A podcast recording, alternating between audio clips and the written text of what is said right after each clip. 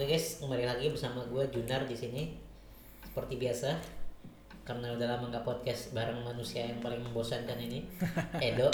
Kita kembali lagi Edo. Apa Iya. kabar tuh?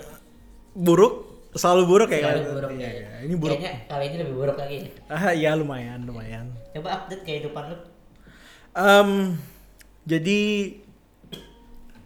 startup gua nggak dapat funding Nah, Eh, mau nggak mau kita harus bootstrap yang berarti kita harus muterin revenue iya. atau pendapatan perusahaan kan Iya.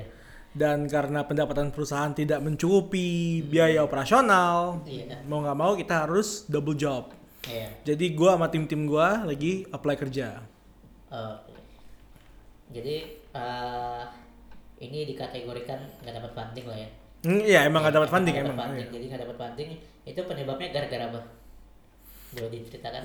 Banyak sih ya ada ada ada ada yang pertama investor kurang suka karena timnya masih ada yang mahasiswa. Iya. ada yang kita terlalu kecil untuk menerima pendanaan. Nah, ada juga yang harganya terlalu mahal untuk investor terakhir. Jadi kayak benar-benar banyak banget negosiasinya. Nah, dan itu beneran alot kayak kayak dari bulan 8 sampai bulan Januari itu negosiasi terus sama berbagai macam investor. Iya. capek banget. Capek banget. Jadi emang kesulitannya di negosiasi lah ya. negosiasi dan ya Terus apa yang lo pelajari dari kegagalan ini? Em, sebenarnya kategorinya yang gagal itu fundingnya ya tapi kalau misalnya operasional perusahaannya masih jalan gitu Masih jalan ya, masih beroperasi lah ya. cuma kegagalan untuk funding ini sebenarnya bikin gue yang yang pasti pertama Ini pakai emang ini. emang kayak gitu Oh iya. Yang pasti kegagalan ini bikin gue sadar bahwa ya nggak segampang itulah buat cari investor iya. dan kalaupun bisa ketemu meeting berkali-kali nggak sama dengan mereka bakal tanda tangan Iya. Em, sebenarnya yang paling gue sesalin adalah gue tidak mencari investor dari awal perusahaan berjalan. Nah, Jadi kan setelah dapat funding, gue fokusnya di growth kan, di pertumbuhan perusahaan, makanya kita naikin kualitas, naikin Iya. Instagram ads segala macem. hmm, Tapi gue nggak bikin eh, ancang-ancang kepada investor yang lain kayak misalnya, hey kita ngebukain funding loh. Jadi kayak benar-benar fokus di growth doang oke. nggak nggak gue nggak aktif mencari investor sampai di bulan-bulan 7 bulan-bulan 8 gitu loh. Terus eh, semuanya berarti eh, nyari kerja ya. Termasuk lu juga nyari kerja nih. gue nyari kerja gue nyari kerja juga Eh, gimana cara lu nyari kerja? Lu mau nyari kerjanya di posisi apa nih? Em, jadi kemarin gue diskusi sama investor gue yang paling gede Nah, eh, lead investor kita. Oke. dan dia bilang gue harus kerja di yang pressure cooker atau misalnya tempat yang banyak orang pintar profesional dan banyak tekanan gitu loh. Iya. karena gue bener-bener harus ngebangun profesionalitas. Iya. dan dia nyaranin ikutin consulting. Itu yang itu kenapa gue banyak apply di consulting dan selain consulting gue juga apply di management trainee atau atau development programnya perusahaan-perusahaan besar Oh, contohnya perusahaan-perusahaan yang lu targetin apa? Eh consulting yang pertama adalah BCG BCG, oke. BCG Nah, Bain Company McKinsey gitu-gitu Eh, kalau buat management trainee gue ngejarnya UOB Citibank QNB nah, jadi perusahaan-perusahaan kayak gitu lah ya. hmm. Eh, terus udah ada panggilan? Belum.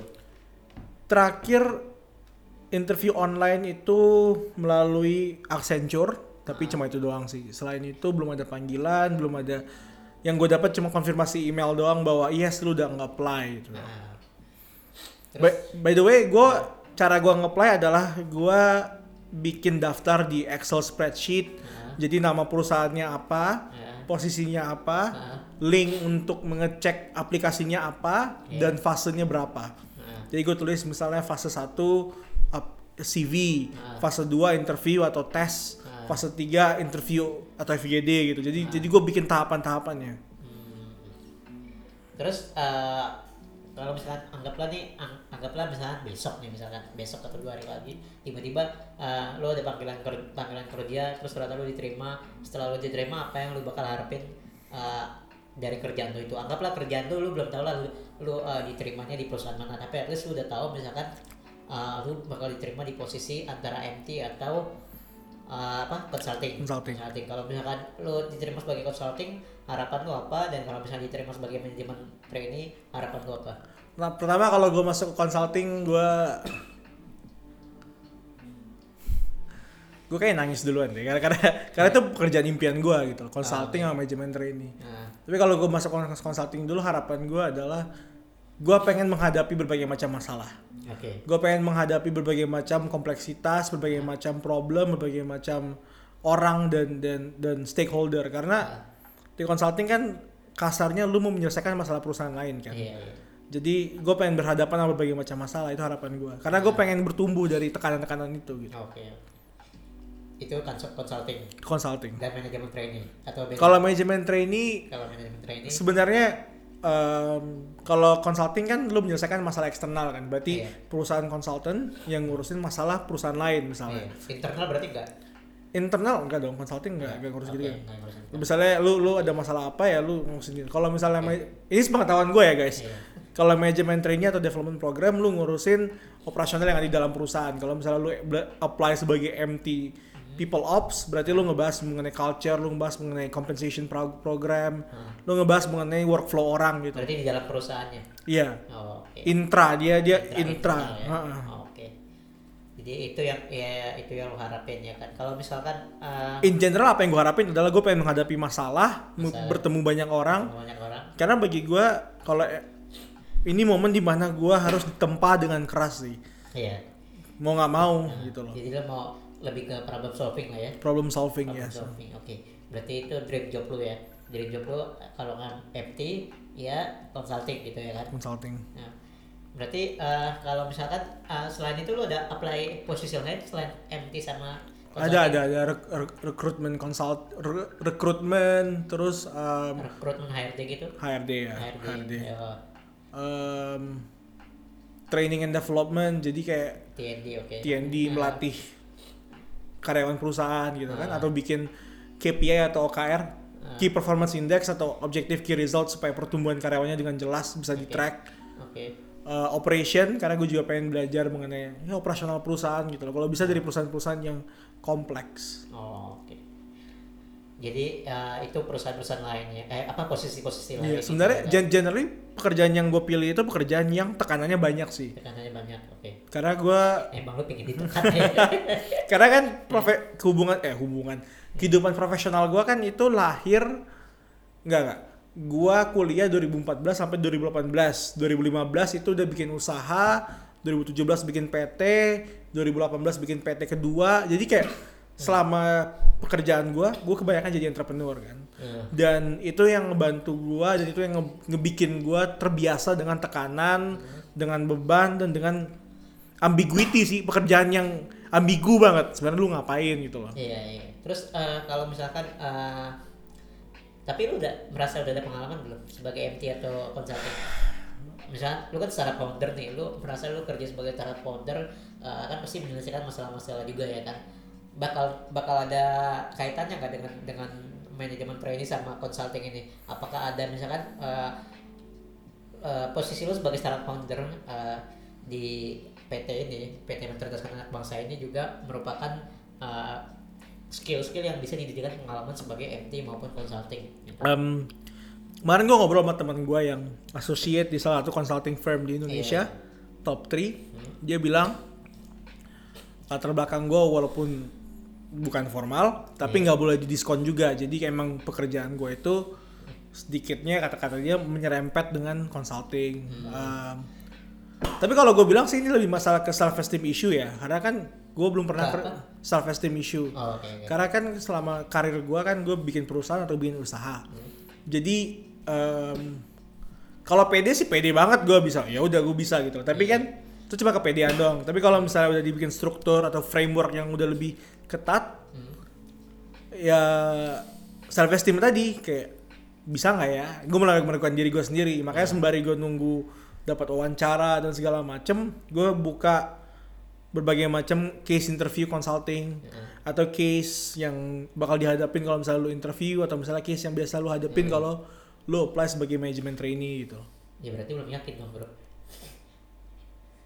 Iya belum yakin sih Iya, kasarnya. belum yakin berarti kan berarti masih dalam dalam tahap belajar lah ya tapi Nggak, lu bakal selalu belajar sampai iya, mati. bakal belajar tapi maksudnya uh, ada nggak uh, pengalaman skill yang lulus sebagai startup founder berkaitan yang bisa dijadikan pengalaman untuk MT atau consulting atau lu benar-benar baru di MT sama consulting ini Ya, Benar-benar sebenarnya kan sebenarnya kan bisa eh, problem solving, Hmm.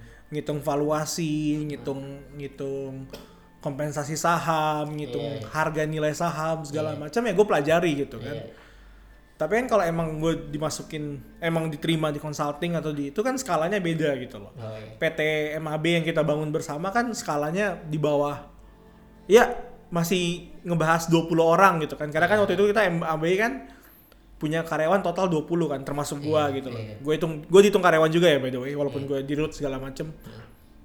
Nah, kalau gue udah masuk ke consulting atau management trainee itu bahasannya udah ratusan sampai ribuan orang gitu. Jadi kayak Hmm. lebih beda aja skalanya. Oh, oke oke. Jadi gitu ya. Eh, manajemen trainee sama consulting ya. Iya. Jadi itu uh, dream job lo. Kalau misalkan nih, amit-amit lu nggak dapet dream job lo, apa yang bakal lo lakukan? Atau apa yang bakal lo rasakan? Kan Ya gue rasa pasti sedih dong. Semua Iya. orang tahu dong rasanya orang ditolak tahu, gitu iya, loh. Iya. Tapi kalau emang nggak masuk consulting atau management trainee ya udah. Ya kan tadi gue bilang kan gue juga apply di, di recruiter segala macem. Iya. Ya gue kerja aja di situ dulu. Hmm. Jadi kerja aja di situ. Yang paling parah kan gue nggak dapat kerja sama sekali, terus uangnya habis. Nah, Ya gue balik ke Batam gitu loh. balik ke kampung lah ya. Balik ke kampung. Tapi lu kalau se- eh, secara salary ada ada minimal kan misalnya eh, kan ya lu tau lah kan kalau misalnya hidup itu butuh butuh Butuh biaya, uang ya. dong, butuh uang. butuh biaya. Tapi kadang eh, tergantung lu hidupnya di mana gitu ya kan. Kalau misalnya lu hidup di kota mungkin biayanya lebih tinggi gitu kan. Kayak misalnya di Jakarta ya kan pasti transportasi makan segala macam jauh lebih mahal dibanding misalnya di kota-kota yang kecil gitu ya kan. Iya iya. Berarti lu pasti ada apa eh, nggak tahu sih. Kalau lu ada nggak minimal salary yang harus lu dapetin supaya lu bisa bertahan hidup di kota-kota misalkan yang biaya hidupnya mahal? Selain dari biaya hidup juga salah satu per- pertimbangannya adalah selain gaya hidup, sorry sorry, selain gaya hidup ya, juga kan latar belakang gue kan entrepreneurial banget kan bikin Ah. usaha mulu. Dan dan ayolah kita ngomong jujur aja selama Iya. gua ngejalanin PT-PT itu penghasilan gue lumayan gitu kan. Iya. walaupun gue pelit tapi kayak penghasilan gue lumayan. Dan gue Iya. terbiasa dengan ya hidup yang berkecukupan ya. Comfortable. Eh, tapi kalau misalnya jadi itu yang harus dilawan dulu sih pertama yang yang yang iya. keenakan hidup gitu dulu. Iya, iya. bukan keenakan sih sebenarnya biasa aja tapi biasa aja. berkecukupan lah gitu loh. Iya. nah minimum gaji ya kalau bisa dua digit. UMR UMR bukan dua digit. Enggak lah. Kalau kalau bisa sih gue pengen ya 8 sampai ke atas. Tapi kan kalau misalnya emang cuma dapatnya 4,5 atau 5 atau 6 ya udah tapi lima sebulan buat di Jakarta susah banget loh Iya katakan ke kos gue bakal ngam apalagi lo nggak kos Nah kalau di kalau sini gue bakal bilang ya, kalau kosan kita bisa berdebat lah, tapi gue pribadi lebih memilih kosan yang 2 sampai 2,5 Hmm. bukan karena gue ih manja, bukan bukan. Hmm. Karena Jakarta banjir neng.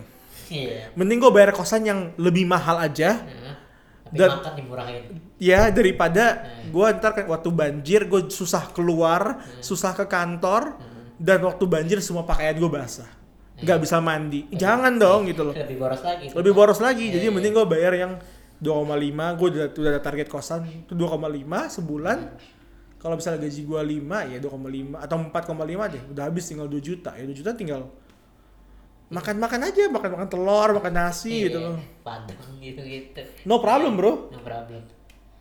Tapi lu maksudnya eh, lu bener-bener kayak ya bukan lu juga sih.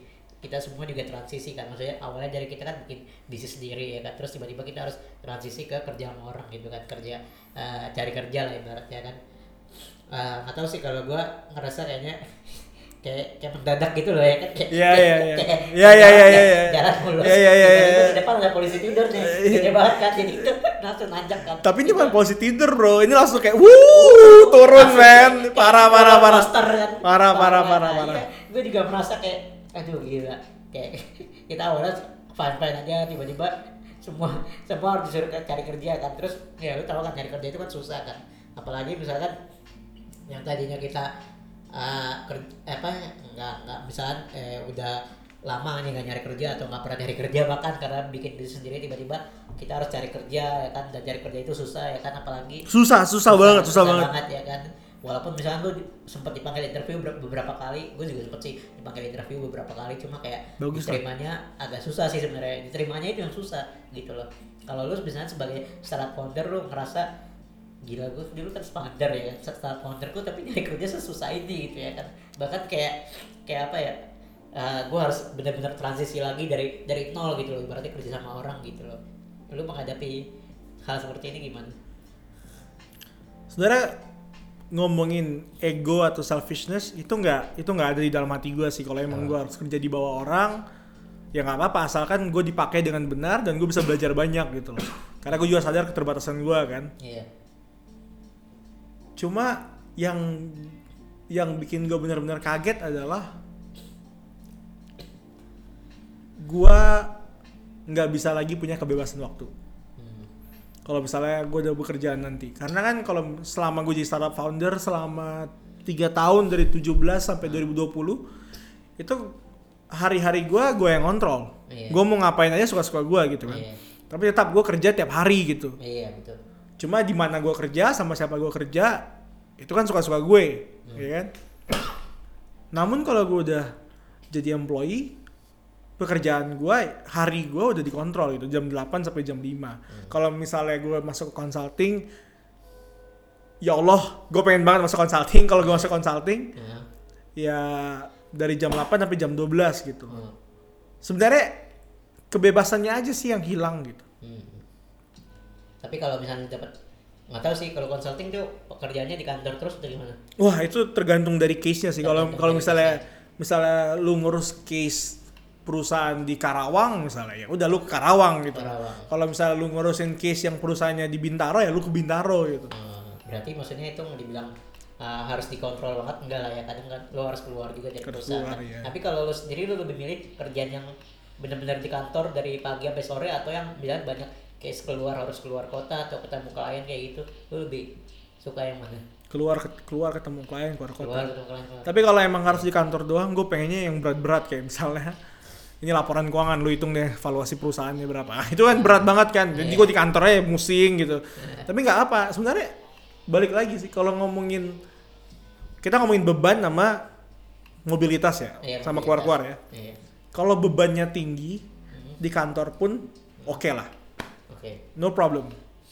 Tapi kalau bebannya rendah, ya sebisa kalau bisa idealnya sih mobilitasnya tinggi gitu. Iya. Karena bagi gue, gue pengen beban sih. Hmm. Gue pengen, karena beban itu bagi gue, beban.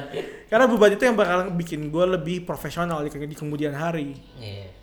Berarti lo pingin bener-bener kerja maksudnya di bawah kayak di bawah pressure lah ya. Uh, di bawah pressure banget, man. pressure. Bener-bener yang pressure yang kencang lah ya. Karena karena selama gue bikin Iya. perusahaan kan tiap hari pressure kan. Iya, Tiap tiap hari hari gue tiap hari stres, tiap hari Iya. stres gue mau ngapain, berikutnya gue mau ngapain, berikutnya market share-nya gimana. Iya. Terus tanggal 25, waduh gajian, gajian.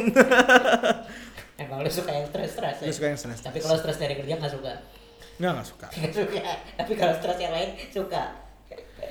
Stres cari kerja sama stres cari investor harus gue akuin itu beban stres yang gue kurang suka sih. Oke. Tapi di luar itu lo suka stres. Ya, stres ketemu tantangan. orang, stres cara naikin revenue, stres cara marketingin produk, stres cara ini. Karena bagi gue itu lebih asik. Yes, gue harus stres, gue harus grow segala macem.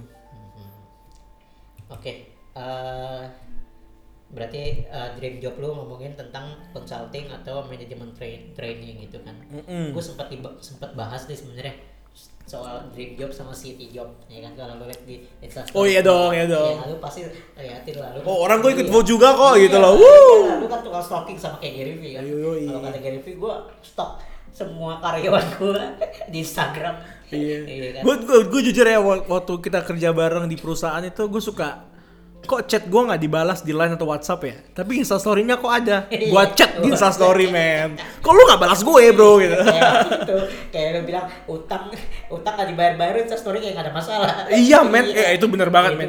ada beberapa teman gue beberapa loh ya. Bukan Iya. satu berarti. Ada beberapa teman gue yang ngutang atau yang minta utang sama gue minta mau minta duit sama gue ngutang lah ya. Tapi kalau di Insta Story mabok Hmm. party Heeh. kafe-kafe mahal Heeh. itu kafe mahal itu gue sendiri nggak masuk ke sana loh bro Iya. bagi gue Bahkan startup founder nggak masuk ke kafe mahal. iya kafe kafe gue paling mahal itu pun Starbucks udah gitu doang Iya. sisanya tuh yang kafe-kafe artisan tapi pun yang murah yang kayak dua puluh ribu tiga puluh ribu gitu Iya, kan. Starbucks udah paling mahal Iya. Kalau mereka sampai ratusan ribu. Wih, apa ini ya? Kayaknya gue nggak pernah lihat. Ke barbar kayak, "Eh, iya duh. Kayak padahal utang banyak tapi. Nah itu dia. Nah itu gue nggak ngerti sih orang-orang kayak gitu. Nah gue sempet bahas kan Dream Job sama City Job, ya kan? Kita mungkin bakal ngebahas sedikit tentang ini kan Dream Job sama City Job. Kalau lo memandang Dream Job itu apa sih? Dream Job itu apa? City Job itu apa? Nah kalau kita ngomongin dream job sama shitty job, gue bakal ngelepasin dari labelnya ya. Karena kan orang bisa dengan mudah berkata, wah consulting itu dream job. Sebenarnya gini, bagi gue dream job itu adalah pekerjaan nah, yang bisa bikin gue karirnya naik karirnya jelas nih misalnya gue intern Hmm. terus bisnis analis Hmm. terus jadi associate kan nah, dan bisa bikin kemampuan gue bertambah kompetensi gue bertambah bukan cuma finansial. bukan cuma finansial jadi kan orang bekerja karena tiga hal kan ada Hmm. challenge Hmm. ya kan ada environment Hmm. ada finance kan Iya. Iya. kalau bisa finance cukup Hmm. challenge tinggi banget biar gue levelnya naik terus Nah, environment mendukung gitu loh. Iya. Jadi bagi gue dream job adalah yang benar-benar naikin gue ke atas terus, naikin ke atas terus, kasih problem-problem ini masalah nih, masalah. nih. Masalah makan makan makan. Aduh. Salah. masalah masalah ya. Iya. Nah, kalau bagi gue yang yang not ideal job adalah pekerjaan yang yang mundane gitu loh. Yang yang ya udah gue kerjain, Hmm. tapi hanya sebatas itu doang. Mungkin financialnya naik, mungkin tinggi, Nah, tapi challenge-nya nggak ada. challenge-nya nggak. Nggak bisa, nggak bisa gue kayak Nah, gitu. Itu dream job atau ideal job non ideal job adalah yang nggak ada tantangannya. yang ada tantangannya. Jadi kalau gue ibaratnya kan itu city job ya kan. Iya. Terus kalau misalkan nih, uh, tadi kan lu udah, udah sempet cerita kan kalau misalnya lu gak dapet dream job lu, lu bakal oke jalanin aja ya kan.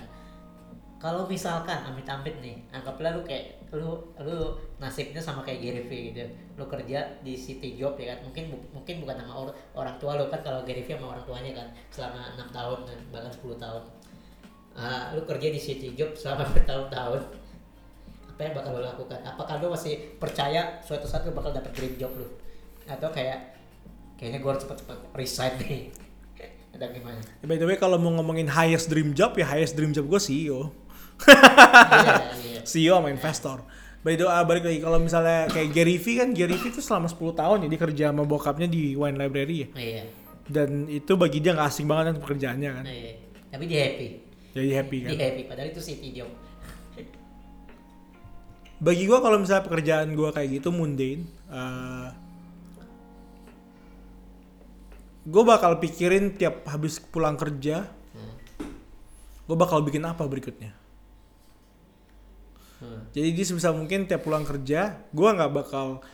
Jadi ini sorry ya teman-teman gue kalau misalnya ntar gue kerja di perusahaan, kalian kolega gue kalau kalian ajak makan kemungkinan besar gue tolak karena gue mau gue pulang tidur gitu Iya. baca buku ya. Eh, karena bagi karena kalau misalnya gue ngelakuin hal yang mundane atau yang yang kayak gitu yang gak ada challenge lah ya. Monoton. nggak- monoton. Tiap pulang kerja gue bakal mikirin perusahaan apa yang bakal gue bikin. Iya. Ya kan? Gimana cara ngegedein perusahaan gue atau gimana cara bikin perusahaan baru? Gimana caranya gue bisa dapetin duit lebih banyak? Hmm. gue bakal pikirin itu terus sampai gue dapet jawabannya. Tapi ternyata maksudnya lu pikirin itu semua itu kan butuh pros- proses ya kan? Tapi maksud gua eh, lebih ke misalkan eh, feeling lu lah perasaan tuh misalkan lu kerja di city job selama bertahun-tahun gitu ya kan karena lu misalkan belum bisa ngejalanin ide lu belum bisa ngejalanin planning lu buat bikin perusahaan baru. Kayak gitu bro frustrasi lah bro. frustrasi.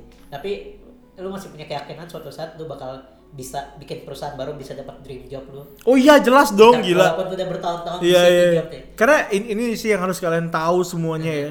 Kadang orang orang nggak usah nunggu bertahun-tahun satu tahun kerja di city job aja udah teriak-teriak ya kan. Nggak tahan ini sih yang harus kalian tahu sih gue gue tuh punya tiga karakter yang sangat keras nih. pertama keras kepala ya kan Iya. semua orang tahu gue keras kepala Hmm. dua entah kenapa apinya nggak mati Apinya kan kayak berarti siram air. berdiri lagi apinya kayak gila lu mau bunuh Iya. gue nggak bakal bisa bro nggak ada kata kata menyerah Itu di, namanya konsistensi. iya ketiga gue punya mentality just do it. Jadi kemungkinan besar kalau misalnya gue terikat di non idol job yang kurang challenge segala macem yang tadi gue bakal mikirin dan gue bakal nulis di internet video artikelnya bahkan gue bikin video jadi gue bakal bikin brand gue sendiri di YouTube Instagram gitu-gitu. Oh, Oke oke. yang sekarang gue lagi rancang juga sembari sembari cari kerja gitu kan. Iya, juga. Jadi kalau lu masih punya keyakinan lah ya walaupun lu bertahun-tahun misalkan Nggak, nggak. di city job. Ya, Kalaupun sampai umur 59 gitu loh. Umur 60 ya tetap men gue keras kepala gila. Bagi, Iya. bagi gue sih ya kalau misalnya gue bakal mati di umur 80 ya udah. ya udah. Jadi kalau misalnya gue pasti bakal mati, kenapa gue menyerah gitu loh. Iya, ujung jadi gak semua mati kan? Mati kan? Iya. Gak ngerti gue kalau gitu loh. Iya, kayak lu lu nggak ngejalanin passion lu sama lu ngejalanin passion lu juga ujungnya mati juga. Mati juga. Terus apa bedanya sama lu berhenti ya kan? Iya, Apa makanya. bedanya sama lu quit your passion? Gak ada artinya kan? Sama aja udah udah. Kalau dengar ini kan ketahuan nih gue keras kepala itu keras Iya. kepala banget men. Iya. Itulah kenapa passion itu penting ya kan. Terus kalau lu misalkan eh, misalkan kita kan masih muda nih lu apa saran lu buat teman-teman kita yang masih seumuran kita atau bahkan yang lebih muda lebih muda dari kita gitu ya kan Eh, buat eh, teman-teman yang mungkin kehilangan harapan buat dapetin dream jobnya karena dia udah karena mereka sudah bekerja di city job selama bertahun-tahun apa saran lu? Apply aja terus. Enggak dia udah kerja tapi di city job Ya apply aja lagi ke dream job lu. dream job jadi apply apply apply terus gitu. Apply aja terus sih ya. kalau misalkan dia pengennya dream jobnya itu bikin perusahaan sendiri Ya bikin perusahaan bikin sendiri. aja, ya. Karena Bikin. karena Ya. bagi bagi gue ya eh, transisi pekerjaan di zaman sekarang tuh lebih mudah gitu. Ya. Recruiter, talent acquisition segala macam bisa ngeliatin lu siapa, Hmm. lu apa, manfaat lu apa dari LinkedIn. Dari Ini ini LinkedIn ini. Iya. Karena kemarin gue baca. Powerful, banget. Powerful bro. mau 2000 connection. 2000 Udah mau 2000, udah Gila. 1900 lebih. gue tarik kalah nih. Gue baru 5200. Iya. Eh. LinkedIn. Nah gini, karena kemarin gue baca di Netflix, Hmm. jadi Netflix itu terima ratusan ribu pegawai, apa bukan, pelamar, pelamar kerja, Kandidat. hmm, kandidat, Netflix Dan- apa Indonesia apa Amerika? Amerika lah, Oh, Amerika. kan kita nggak ada Netflix di Indonesia. Oh, Eh. iya. Nah dia terima ratusan ribu kandidat Hah?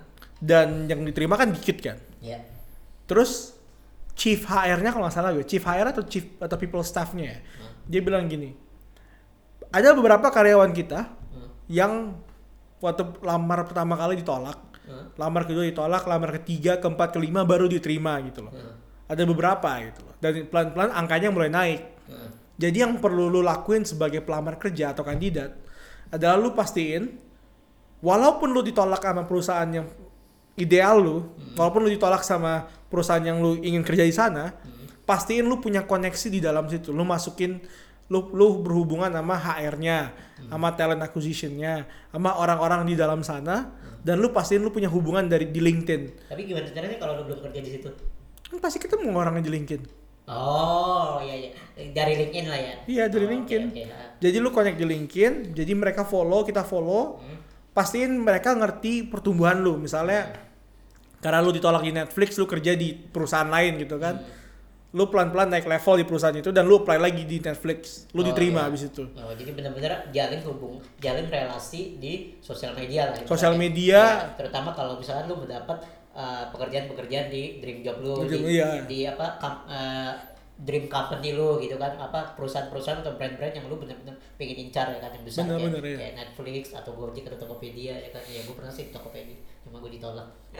Nggak apa-apa, bagus, iya. bagus. Itu interview ke berapa? Dua, tiga? Nah, itu interview udah lama banget pas gua awal-awal bahkan pas uh, pas baru lulus kuliah bahkan Itu interview ke berapa? Hah? Lupa kan? Ke satu apa kedua? Oh maksudnya di Tokopedia-nya ke satu ke satu baru pertama. Jadi ya gitu jadi ini kayak ya semacam tips juga lah ya gimana caranya supaya kita bisa mengincar perusahaan-perusahaan besar gitu ya kan teman-teman gua triknya ya teman-teman gua di di LinkedIn. Teman-teman gua yang profesional. Nah, mereka connect sama talent acquisition Hmm. recruiter dan HR mereka connect terus. Jadi kebanyakan uh, connection mereka tuh recruiter talent acquisition sama HR Nah, sampai akhirnya ada beberapa kali mereka dapat tawaran kerja kayak mau pindah nggak di perusahaan ini aja gitu loh tapi maksudnya setelah selain connect apa yang dia lakuin kok bisa sampai ditawarin kayak gitu dia update terus pekerjaan dia kayak apa yang dia dapat apa yang dia share gitu segala macam dia aktif lah di situ aktif ngepost-post Iya, gitu jadi ya. temen gua ada yang manajer di perusahaan A, Hmm. tiba-tiba di kontak sama HR di perusahaan B, Hmm. mau jadi manajer di perusahaan B nggak? Kita kasih XXXXX, Hmm. benefit segala macem, Iya. pindah dia akhirnya. Jadi itu tipsnya ya Itu tipsnya. Hmm. Jadi lu harus connect sama berbagai macam HR, talent segala macem. Hmm. Emang bener-bener sosial media itu powerful banget ya. Powerful LinkedIn banget, bro. itu ampun powerfulnya. Powerful bener-bener. banget. Gila kalau sampai gue baru menyadari LinkedIn tuh gila. Dan itu kebukti kayak Iya, itu kayak LinkedIn gua. Nah. Kemarin gua bikin post di itu yang baca udah 3000 orang. Iya, gila sih.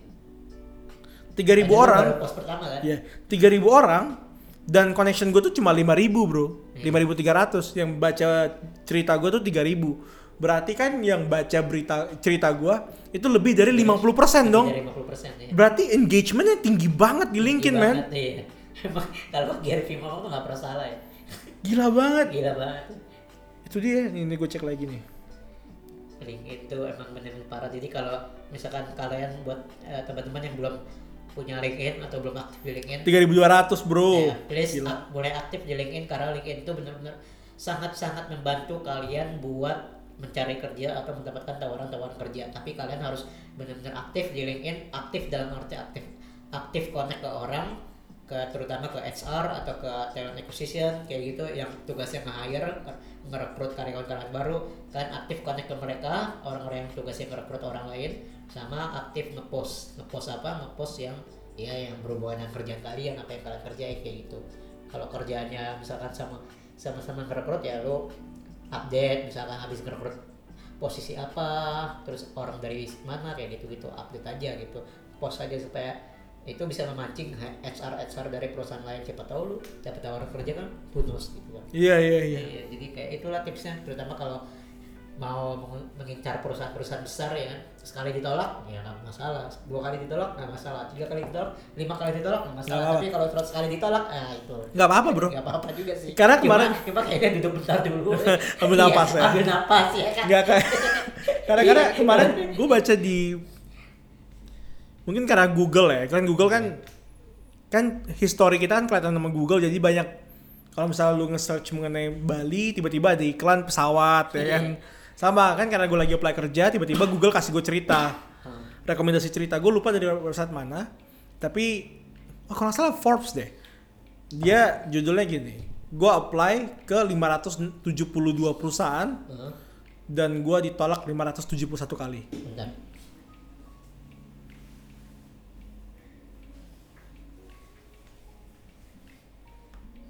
Jadi dia apply ke 572 perusahaan, Heeh, 571 kali ditolak. hmm. Tapi sekarang dia udah jadi orang gede di situ loh.